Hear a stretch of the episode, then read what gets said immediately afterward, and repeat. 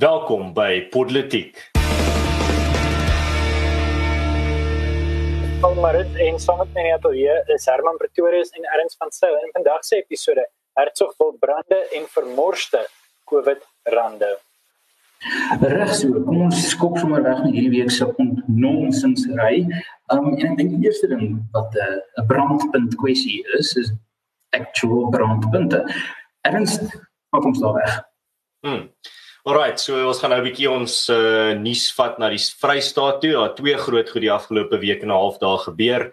Ehm um, eerstens kom ons dek die uh, brande wat daarso gebeur is naby waar dit is nou geblus. Dit was daar naby Hersogbul en dan ook Boshoff uh, 100 000 hektaar ten minste is gebrand daarso met uh, veldbrande wat daar verwoesting gesaai het uh en baie organisasies het nou ingespring om die boere te ondersteun. Uh maar terselfdertyd is dit maar hartverskeurende foto's wat ons hier vandaan kry. Um foto's van vee wat dood lê in die velde. Daar was een foto van 'n boer wat 'n klein hasie vasgehou het wat hy water gee. Um en 'n ander foto van 'n boer met 'n uh, wat swart is van die roet soos wat hy beklei het teen die vure. So regtig um ek hoop uh, ons luisteraars se gebede is met die mense in daai area uh en ook hou my jou oë daarso vir uh, hou jou oë oop vir enige manier wat jy kan help uh in terme van om die verwoesting daarso te help uh verlig. Nou ook voor ons uh, nou analise doen daarvan, wil ek sommer 'n tweede storie ook van die Vrystaat hier inwerk en kan ons lekker al drie uh ons gedagtes daaroor gee. En dit was ook in die Vrystaat Senekal 2 soos wat dit genoem was.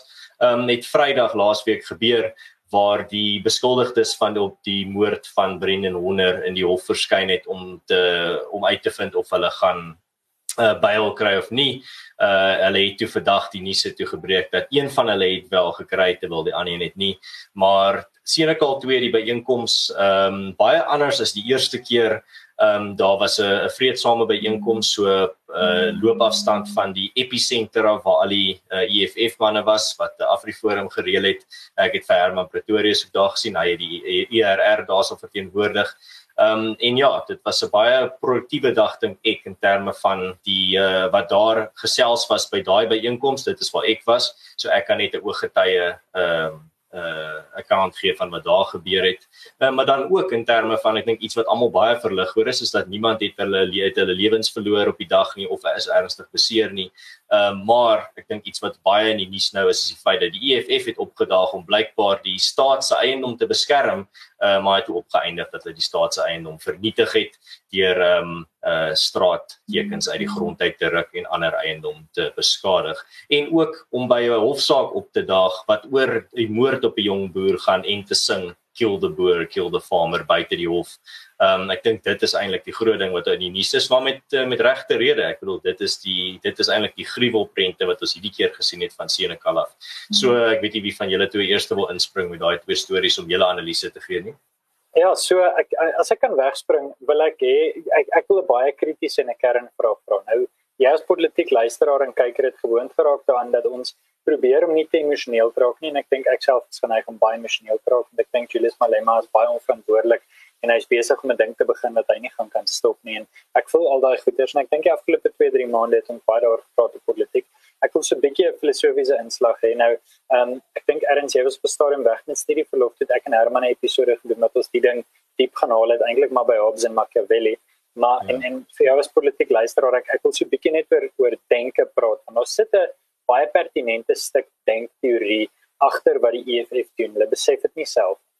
Maar die gedagte was kan ek sê tot en met die 1450s. En dat die wêreld is is geskape en dis die enigste moontlike realiteit en ons moet streef na iets beter. So jy weet die ou Griekse filosowe en die Bybel en eintlik al die gelowe oor die wêreld, almal het gepraat van streef na iets beter en streef na die goeie, maak jouself beter, moenie net sê tot jy gewone nie. En toe kom jy Machiavelli in Italië en hy sê, "Wag 'n bietjie, kom ons kyk maar net wat doen mense en ons baseer ons teorie op dit. Mense hou daarvan om, jy weet, mekaar hulle hulle reageer beter op vrees as op liefde. So kom ons wees kos maak hulle bang.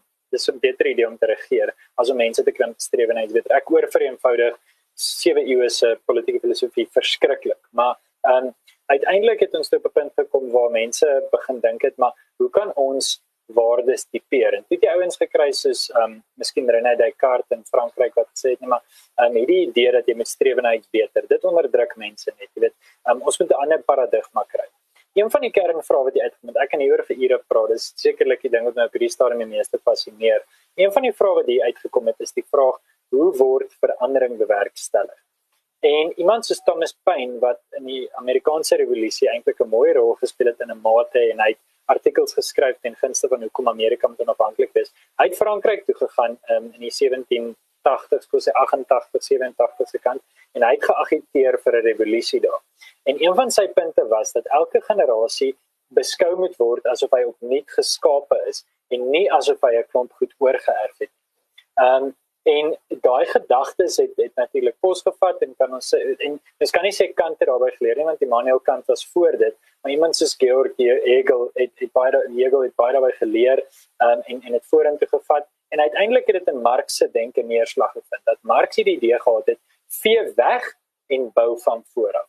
So Marx het dit regtig geglo. Marx het gedink kom ons brand af en ons begin voor. En ek praat baie politiek van die oomblik wat kan ek sê my rooi pol oomblik ek was eintlik my lewe lank konservatief en en goed konservatief. Ek het nooit ek het nooit illusies gehad oor hoe jy weet waar ek inpas. Ek ten minste moreel konservatief. Maar daar was 'n oomblik in my tweede jaar toe die leier van Sesco op die NWI kampus my gesê het hy sal liewer nie 'n kampus hê nie as wat hy Afrikaanse kampus het En dit het vir my laat besef hierdie ou dis wat iemand bedoel met absolute vernietiging. Ek sal dit wegvee dat niemand iets het nie insluitend ja. die 40% NWI studente wat nie wit ja, studente is. Ja, dis 'n dis 'n verskroeide aarde taktik wat hulle daarvan praat. In in 'n mate, ek dink verskroeide aarde in Suid-Afrika word dalk 'n bietjie meer met oorlog geassosieer in die in die boereoorlog waar die Britte probeer het om hulpbronne van die boere weg te vat waar die die kommuniste het hierdie idee van ek vee uit en ek gaan van voor af begin die Britte het eintlik ek ek het nie tyd vir Britte nie, maar ek sal nie 'n imperialis vergelyk met 'n kommunis nie. Hulle was besig met 'n oorlog. Die sosialiste is mal. Ek ken ek kan my aanhou dit. Hulle het hierdie idee wat nie dit het nog nooit gewerk. In elk geval, hoekom ek dit alles sê is want ehm um, dit alles vind neerslag in mense wat glo die enigste manier om die wêreld beter te maak is om 'n tree terug te neem. Met ander woorde, brand af, vernietig. Uh, jy weet vee weg. In plaas van kom ek vat wat ek het en ek maak dit 'n bietjie beter. Wat die konservatiewe Edmund Burke tipe manier is van ek het iets gekry by my voorouers en hier dink ons in die NP van Wyk Lou en Paul Creer en alles maar hulle het dit gehoor by Burke en hy het dit gehoor by die mense om hom. Dit was hoe die wêreld dit gesien het. Ek het hierdie goed gekry en my pa en my oupa en my oupa grootjie het vrek hard gewerk met die treinspore in die, in die Maritse se geval die treinspore te bou jy weet en hulle het niks gehad nie hulle het gewerk het die gebou Dis nie perfekte treinspore nie, maar kom ek vat dit en ek maak dit beter plaas van dit te vernietig. En ehm um, dis my hele analise eintlik op wat nou in die Vrystaat aangaan. Jy sien mense wat ongelukkig is met ietsie. In die EFF se geval weet ek nie, hulle is ideologies giftig. Hulle is hulle ongelukkig met die feit dat mense ongelukkig is met plaasmoorde. Ek het daai vraag op sosiale media gevra en ek het massiewe reaksie gekry. Seker die grootste reaksie wat ek al betweet gekry het, dat mense gesê ja, hulle hulle glo plaasmoorde is reg. So dis aan daai kant. Maar wat die brande betref, ek is ongelukkig met die status quo. So kom ek vernietig 20 jaar se kunsmis en kom ek brand 'n 8 jaar oue bees dood. R12000 weg. Kom ek doen dit um oor 'n 100 000 hektaar. As as dit jou gedagtes word en ek ek wil hulle blameer, maar dan dink ek ook kommunisme is so diep in die ANC en ek dink nie dis Suid-Afrika nie. Ek dink ons is meer 'n nasionalisties konservatiewe gedagte. Praat ek spesifiek van van swart mense in Suid-Afrika. Daar's 'n volksgedagte en ons weet maniere is belangrik en waardes is belangrik, maar in die politieke sfeer is ons bloedrooi vergiftig deur hierdie gedagte dat die enigste manier om te verander is om af te brand. En dis baie gevaarlik en ek dink dit hou vir Suid-Afrika moeilike tye in. So ek gaan dit daar los. Ek het nie regtig erns gereageer op wat jy gesê het nie, maar vir my is dit belangrik om daai tree terug te vat. So Herman, spring gerus in.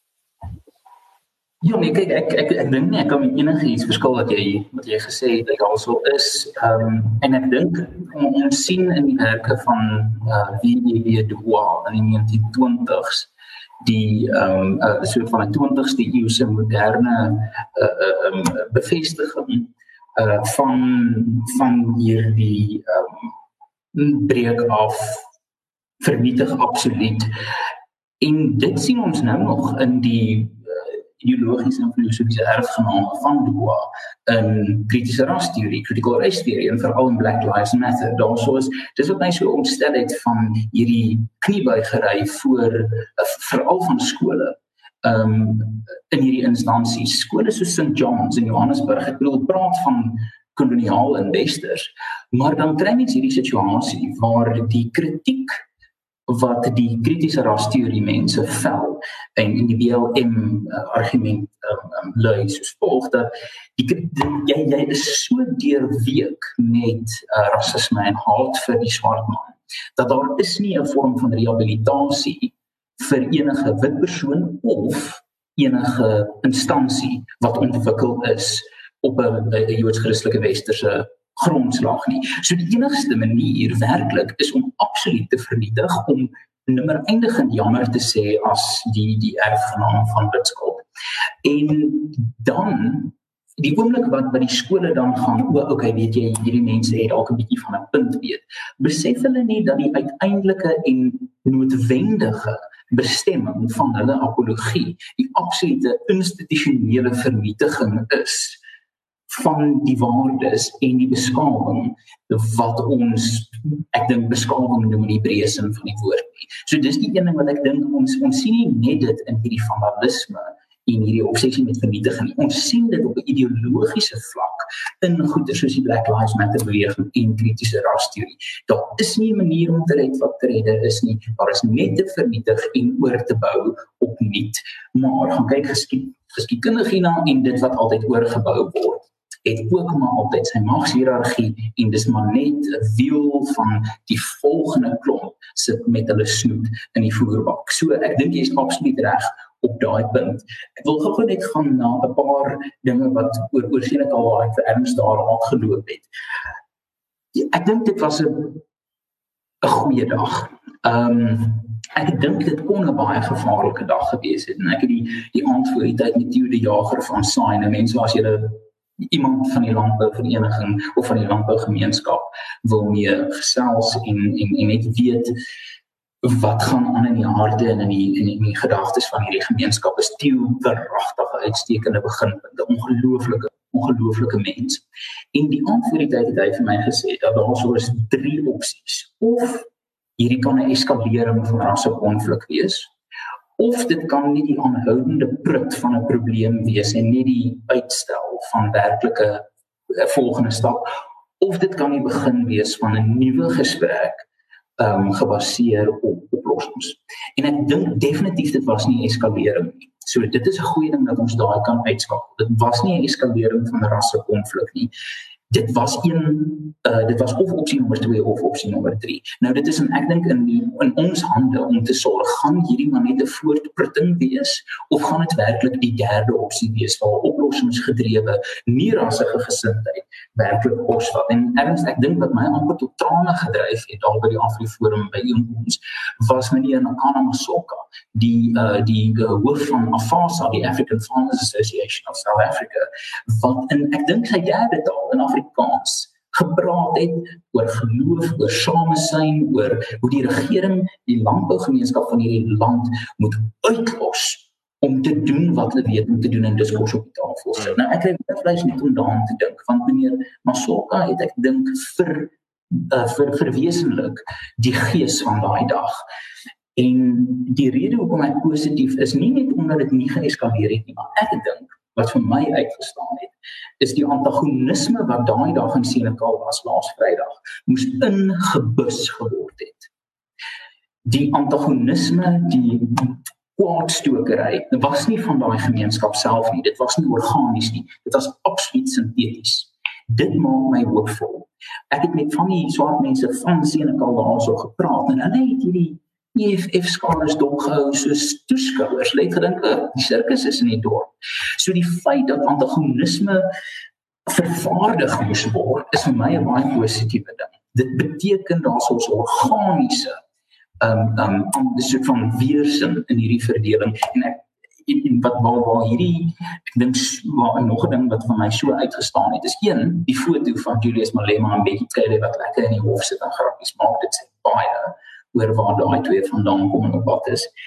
En dan was daar 'n geval wat my kollega Sihle Ngobese, julle sal dalk ken as Big Daddy Liberty, um eerstens gesien het van waar 'n plaaslike Christen um versameling mense het gekom met waterbottels. Nou Afriforum het en saai het gesorg dat hulle mense water het. Daar was waterbottels, jy het gratis, daar was 'n noodhulp busie en en tent verstaan daar was die daar's gekyk na die mense. EFF Nou, Geen water nie.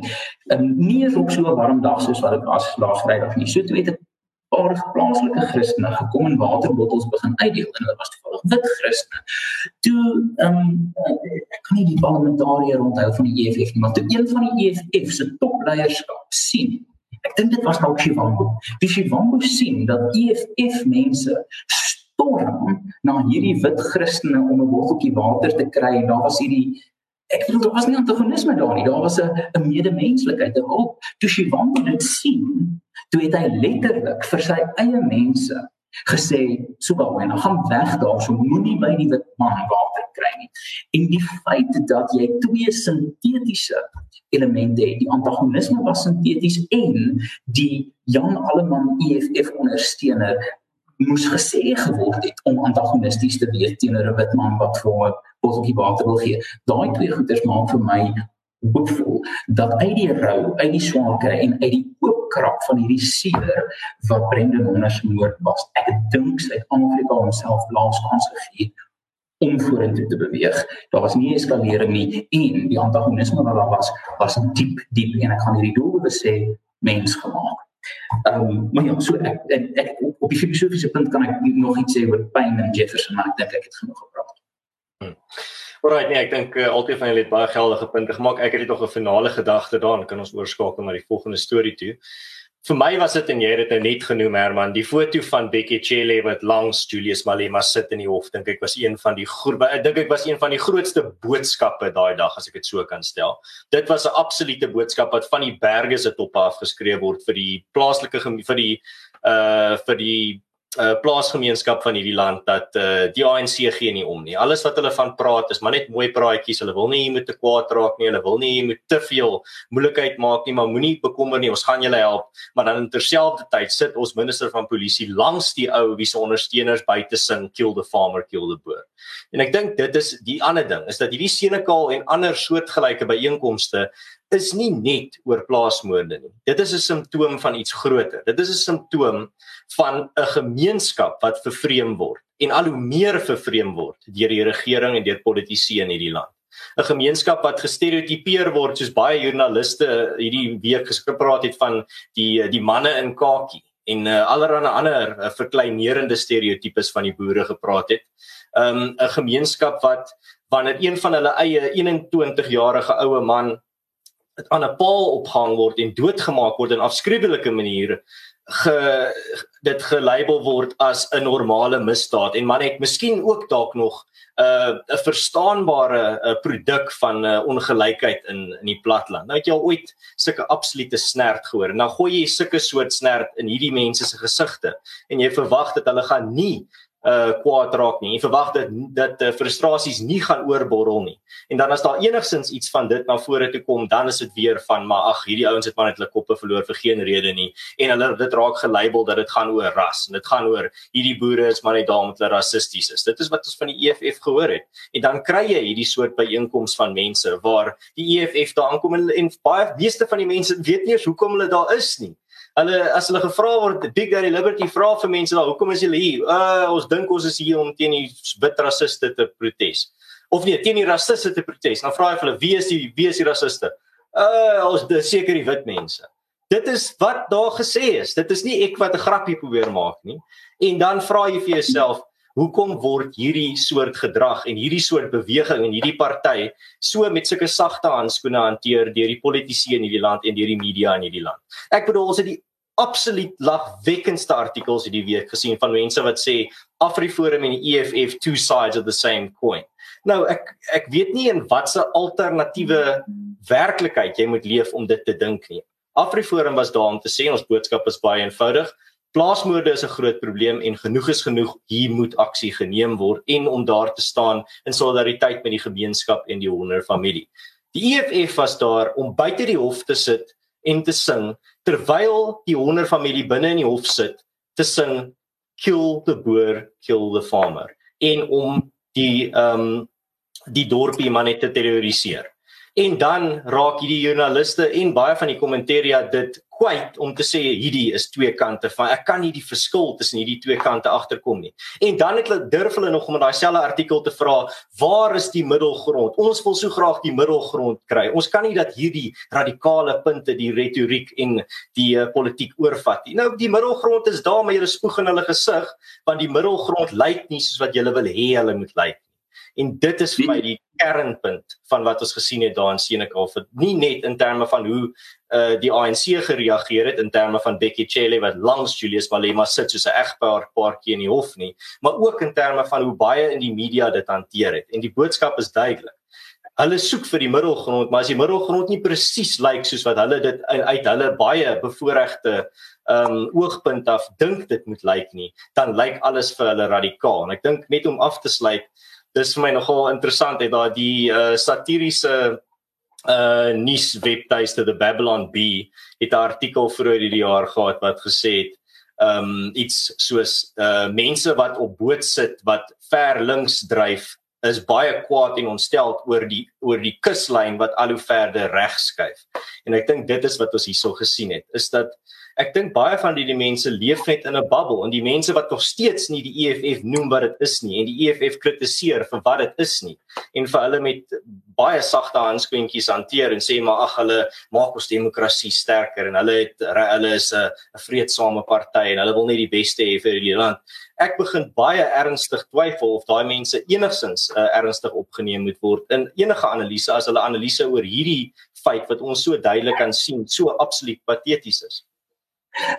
Ek dink erns een ding wat ek net wil byvoeg, um, is eh, en en Julius het nie hof gesit, maar daai familielede en ehm um, geliefdes van Bren Honger nie in die hof kon inkom nie omdat daar nie plek was nie. Nou as dit nie vir jou genoeg sê oor hoekom daai twee mense skerminkels daar was nie, dan dink ek verstaan ons sê dit ongelooflik ongelooflik baie. En ek moet sê wat my ontstel het by die aflooforum vergadering waar daar waar die die predikant ek kan hom ongelukkig nie sy naam onthou nie het gepraat en ek het gedink dit is ongelooflik braaf wat hy gedoen het en ek het dink hy was reg. Hy het gepraat van dis nie net die Christen se posisie of dis dis nie Christelik om net um kwaad doen of oortreding in iemand anders se lewe uit te wys en om daaroor omstel te raak nie maar keer in. Hy het baie definitief hierdie kwessie gebring van ons niemand van ons is perfek nie.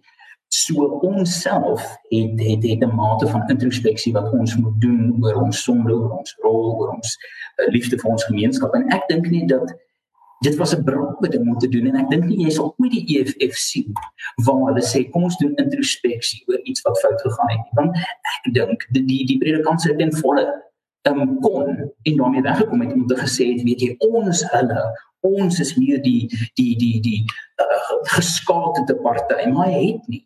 Hy het gegaan en gesê dat dit help nie ons raak ontstel oor onreg net sekere onregte nie. En dit was 'n ongelooflike brawe ding om te sê so dit en en en jy sou gesien het daar was nie 'n enkele verteenwoordiger van die hoofstroom media by die uh, lewering van die die, die predikantse rede nie nie vir Theo Jager nie nie vir Nakana Sultan nie nie vir Kali Kriel nie nie 'n enkele hoofstroom media het enigsins gedink my magies daar is dalk mense wat ook 'n stem het in hierdie debat nie. Maar ek wil net vlugtig op um Jan Louis reageer waar hy sê sintetiese geweld maak ongelukkig nie teoreties dood nie. Nie wat ek sê nie. Ek het nie gesê die geweld was sinteties nie. Ek gesê die antagonisme is sinteties en dit is juis hierdie kuslyn waarvan Ernst praat. Die Suid-Afrikaanse mense, die mense van Senekal was laas Vrydag die kuslyn en hulle het gewys dat die kuslyn is nie vertroebel met waters vol bloed en haat nie. Ek sal nie dis om te sê die geweld is teoreties. Moenie dit kom vir my staan en sê. Wat ek besig is om te sê is dat as ons werklik wil glo wat aangaan, dan moet ons bewus wees van waar die antagonisme vandaan kom.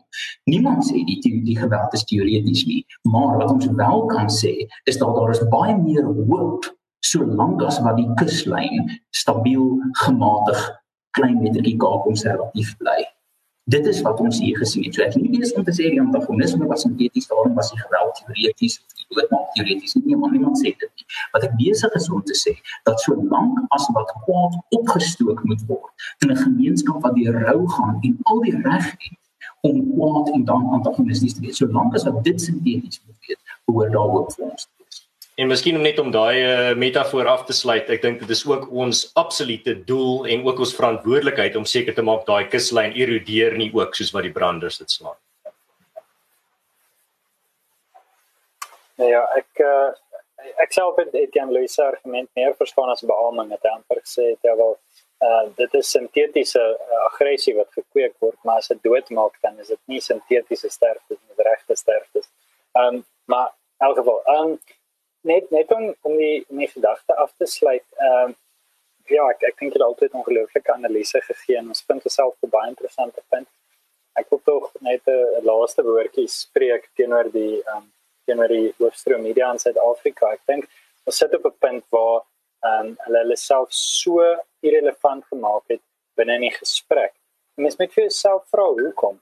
Ons sit al van 2018 af en en deel hou uit aan hoofstroom media jou politiek en sê hulle kan julle nie sien wat aan die gang is nie. Julle het vir die eerste keer in mense jeugennis die vermoë om van 300 verskillende hoeke af dieselfde ding uit te saai. Ons het van die Kennedy moord 3 kamera hoeke. Dit is uitsonderlik. Dit is jy weet die eerste keer wat so hoofstroom moord van soveel hoeke af afgeneem word. Hulle kon van Senekal van 1000 hoeke af gesien het hulle kies om 'n narratief te pleeg eerder as om net die feite te gee vir die mense. En as jy kyk na die kommentaare vir al die Afrikaanse hoofstroom media spesifiek kan ek sê linksleunende hoofstroom media het, het baie bepaal hulle hulle, hulle lesers stem met hulle saam. En ek ken toevallig 'n klomp mense wat in daai kantore sit en hulle dink jy die Afrikaner is 'n dom konservatiewe ding. Jy weet ons komediante, ongelukkig, die Afrikaner verdien goeie komediante. Ons kry altyd net hierdie komediante wat ons afmaak as die stupid plattelandse dom nul jy weet intussen en en dis eintlik maar net hulle manier om om konservatisme af te breek want hulle kan dit nie verdra nie want in meeste gevalle was die komediant jy ek dit nie die uitwerpsel in die klas of iets nee ek sê nie altyd so nie dit is nie altyd so nie maar verstaan jy is kwaad nee jy lag her maar ek het 'n gesprek met dokter Pieter Mulder gehad wat wat 'n profie in kommunikasie was hy sê onthou baie keer jy het van kommunikasie swat as jy oor sy lewe lank gevoel het niemand luister kom alle respek ja. is nie altyd so nie en ek ek het baie ek het 'n baie groot agting vir kommunikasie en ek wens ek kon self swat en ek het 'n paar modules kommunikasie swat. Ek sê maar net as die hele wêreld anders as jy dink, dan op 'n punt mm. moet jy besef, miskien is dit nie hulle nie. En ek dink ek ek ek lag want ek beam ek sien heeltemal saam. Die probleem met Suid-Afrika is ons het nie komediante nie, ons het narre. Ja. Ek gou nie eens nie. Nee, is baie goed. Miskien is dit tyd om net so 'n bietjie na 'n ander onderwerp te kyk, maar ons baie ding wat in Suid-Afrika gebeur. En um, ek ek het die onderwerp van COVID rande wat gesteel word en dit is interessant. Daar's eintlik baie as mens van kyk na die onafhanklike swart media. So ek praat van goeie soos the South African Dispatch in Africa Publication, die People Dispatch en die ehm um, wat jy aanneem ek het APA News, dit soort van Franse nuusblaai uit Afrika. Mense is besig om hoogs ernstig gehad te raak vir diefstal van COVID geld in Suid-Afrika. Diefstal van geld wat bedoel was om vir mense opheffing te gee. Ons weet dat president Ramaphosa baie ernstig opgetree het teen as dit Kusele Kusele Diko, uh, sy woordvoerder, uh, sy nou man was in 'n kontrak met PPE. Hy's Magashule wat uitgekom het en gesê nee, maar dit was nog nooit onwettig om um, om uh, 'n kontrak van die regering af te ontvang as jy 'n staatsamptenaar is. Dit was nooit onwettig toe jy in die Vrystaat premier was um, en duisends kontrakte vir jou dogter gegee het nie, maar dis eintlik teen die Suid-Afrikaanse wet elk geval die die punt wat ek wil maak is daar's um ek dink ja dit is dis nie meer nuus om te sê in Suid-Afrika ons grootskaalse korrupsie nie. Dis nie meer nuus om te sê geld word gesteel nie. Wat ek wel julle wil sê is ek het die ongelooflike voorreg en straf om my meestersgraad te doen oor wat ek noem uh, sosiale darwinisme. Ek ek maak my studie relevant hier so um maar dit wat ek regtig ondersoek in my hipotese is ek glo vas dat uh, die ouens glo hulle mag. Hulle glo regtig um, dat die die ANC is die verlossers van die mense en dit gee hulle sekere voorregte en voordele. Um dis interessant. Marx het geglo dat Marx het Darwin gelees en geglo hy dat um die die hoër klas of die beter proletariaat gaan verenig en die bourgeoisie oorgooi en dan gaan hulle die party word en dit het maar net daartoe gelei dat ons eintlik maar 'n nuwe tirannie gehad het. So, ehm um, ja, ek ek weet nie as jy as jy ietsie wil byvoeg, ons kan 'n bietjie ingaan op die nommers. Die punt is maar net op groot skaal, soos wat ons gesê het in April, is COVID geld weg. Dit ons weet nie waar dit is nie. Wat ek eintlik 'n storie wat ek nou vanmiddag eers laat gehoor het, wat ek eintlik hier hier by wil voeg wat eintlik pas al hierdie goed so mooi bymekaar. Mens kan praat oor die sondekommissie wat begin arrestasies maak het, maar hoor hierdie ene.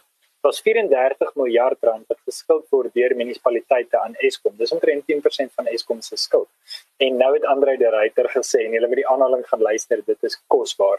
Hy sê it gives us no pleasure maar hulle gaan nou begin bates vat by munisipaliteite. En dink ek weet jy wat topklas want munisipaliteite het geld vir groot elektrisiteitsrekeninge, hulle het dit nie betaal nie.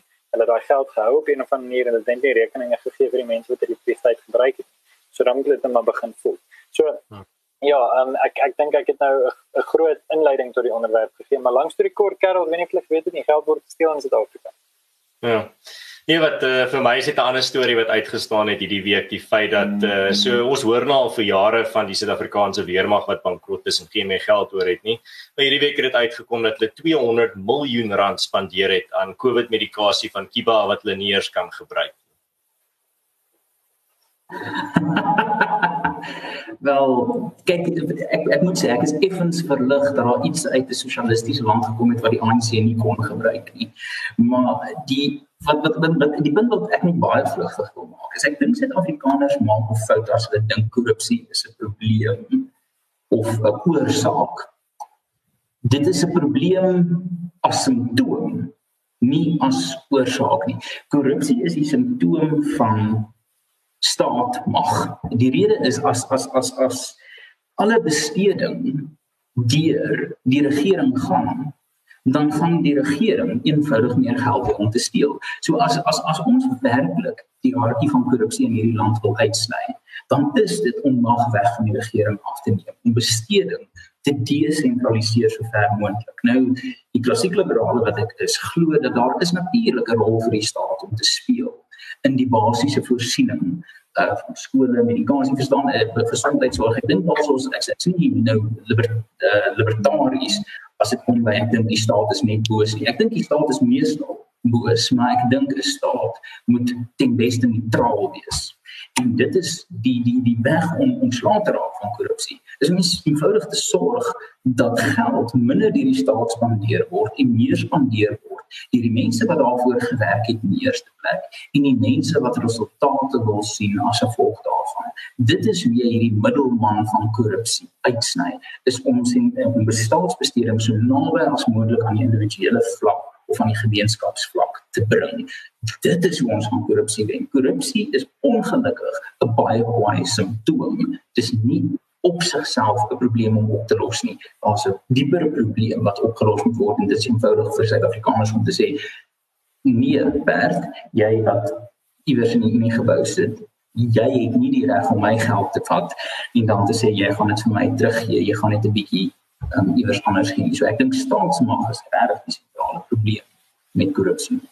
So ehm um, Herman, ek ek dink en dis eintlik ek wil ek wil nie te akademies raak nie. Ek dink partykeer ook net so tegnies raak vir vele irriterend, maar ek dink daai is 'n punt wat ek ondersoek. Ehm um, ek dink jy jy sê ehm um, Suid-Afrikaners moet opstaan en sê nee, per nie meer geld vat nie. En die uiteinde is ek dink eerlikwaar baie diep is daar die gedagte maar mag ek is dan in die regering ek is dan die koning en daai onderskeid tussen 'n koning en 'n president um, is baie duidelik op sekere punte en op ander punte nie. Um uiteindelik wil ek saamstem daar's 'n studie, ek weet nie wie dit gedoen het nie, maar flip byse die gesprek met my gehad. Um daar kom 'n punt, dit is Amerikaanse skrywer dink. Daar kom 'n punt wat 'n 'n regie of 'n 'n 'n stemgroep wat aanhou om 'n korrupte leier in te stem, is nie meer 'n slagoffer nie, hy raak medepligtig op 'n punt. So ek ek dink my simpatie en ek ek ek wil graag daai boek lees. Ek wil opvolg met hom en dan sal ek 'n bietjie inter in verweef in 'n episode op die stadium.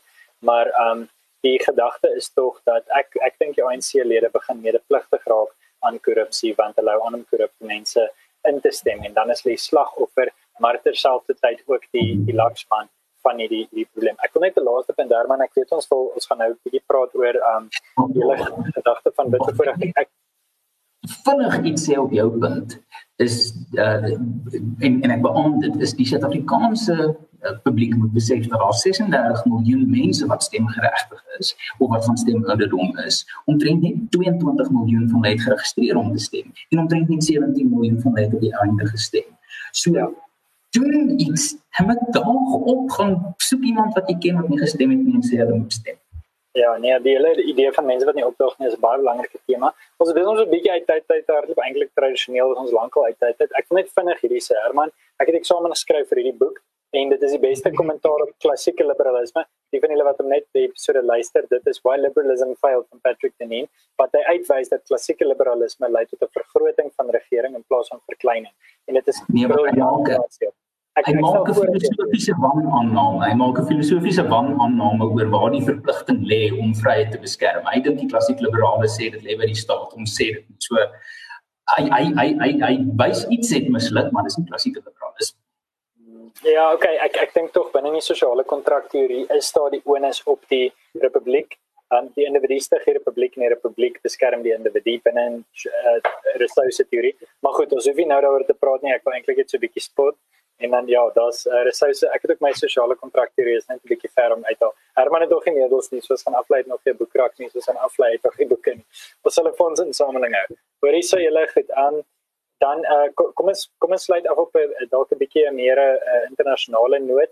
Uh, Herman, dit klink vir my asof soos wat jy die storie voorgestel het, sal iets aan die lyn van lyn van rasse teorie kan jy dalk net verduidelik vir die leuke soos ek en dan vir wie wat gaan daaraan. Right, nee, so dit is 'n dis 'n bietjie internasionale storie, 'n bietjie 'n uh, blink kan hoor storie. Ehm um, Kemi Beidendonk is 'n uh, uh, is 'n uh, ehm um, uh, um, Britse LP, sê dit ek dink 2015 en haar intree toespraak in die House of Commons is absoluut die mees ongelooflike verdediging van toevallig klassiek liberalisme wat mens denkbaar kan sien. Sy het in Nigerië groot geword en sy het toe sy daar in 2015 is trek hulle um, na na Engeland na die Verenigde Koninkryk en sy word toe verkies daarso in die um, setel van Saffron Walden. En sy haar openingstoespraak en een keer 'n tydjie gelede het iemand van dit ek dink dit is erns wat jy gesê het dis julle is Burke en ek is Thomas Paine. Die probleem is ek verkies Thomas Paine en ek bewonder Burke. Ehm um, en want sy het uh, so van deur die ehm um, ek het sideliner opinions is reg. Ek het 'n dik vel ongelukkig ook net 'n bloody ligte vel soos wat sien ek al my herinner het. Maar ehm um, nie as gevolg van rasse nie net as gevolg van die feit dat ek myself kus toe gebrand het.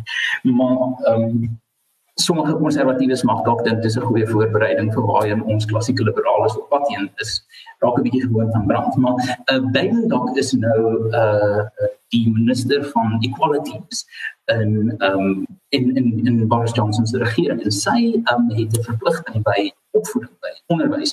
En sy het in 'n toespraak in die House of Commons 2 dae gelede die 20ste gesê: enige skool wat kritiese rasteorie of Black Lives Matter ideologie uh, verkondig of kommunikeer sonder om 'n teenwigtige konteks te gee besig om die wet te oortree.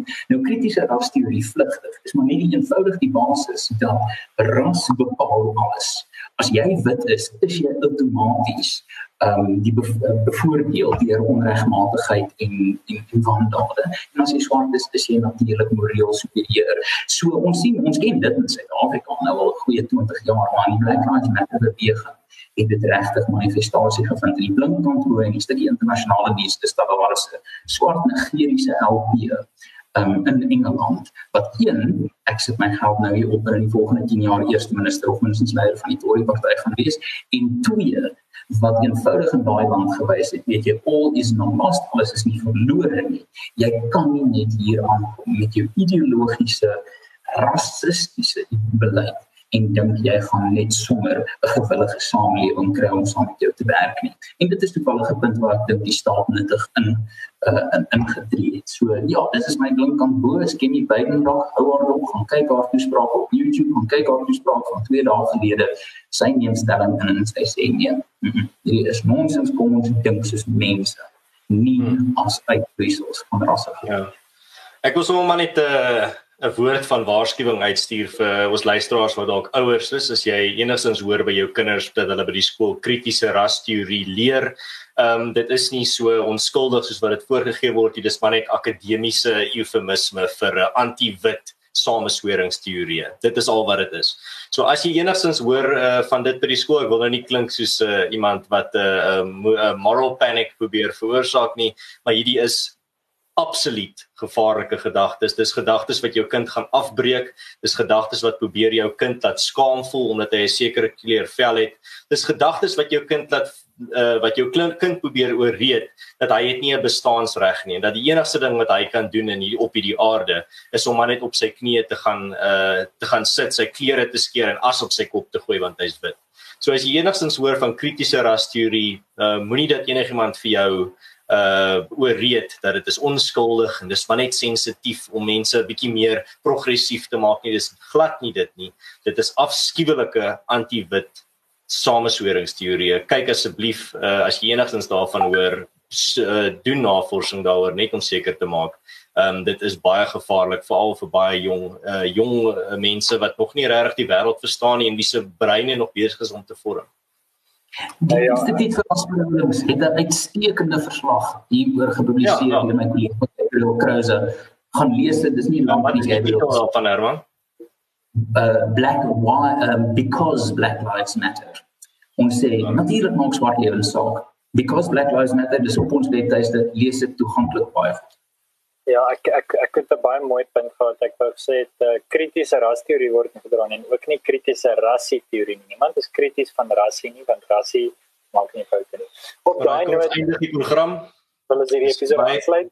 Is verby. Uh, ja, ehm um, so uh ek ek weet nie ek moet afsluit maar kom ek sluit sommer af. Uh so mense wat nie weet van plaasmoorde in Suid-Afrika nie, is hierdie episode ook weer na einde ons nou jou as luisteraar uit homself te ontnonsens. So, ons is 'n baie sosiale media platform van gesels met ons. En maak gerus kontak met ons as jy ehm um, wil ondersteun of as jy ehm um, wil bemark op politiek en ek kan ons gerus ondersteun op baie meer koffie of op Patreon en uh, ons sien dan uit om met julle interaksie te hê en dan selfs ons weer binnekort.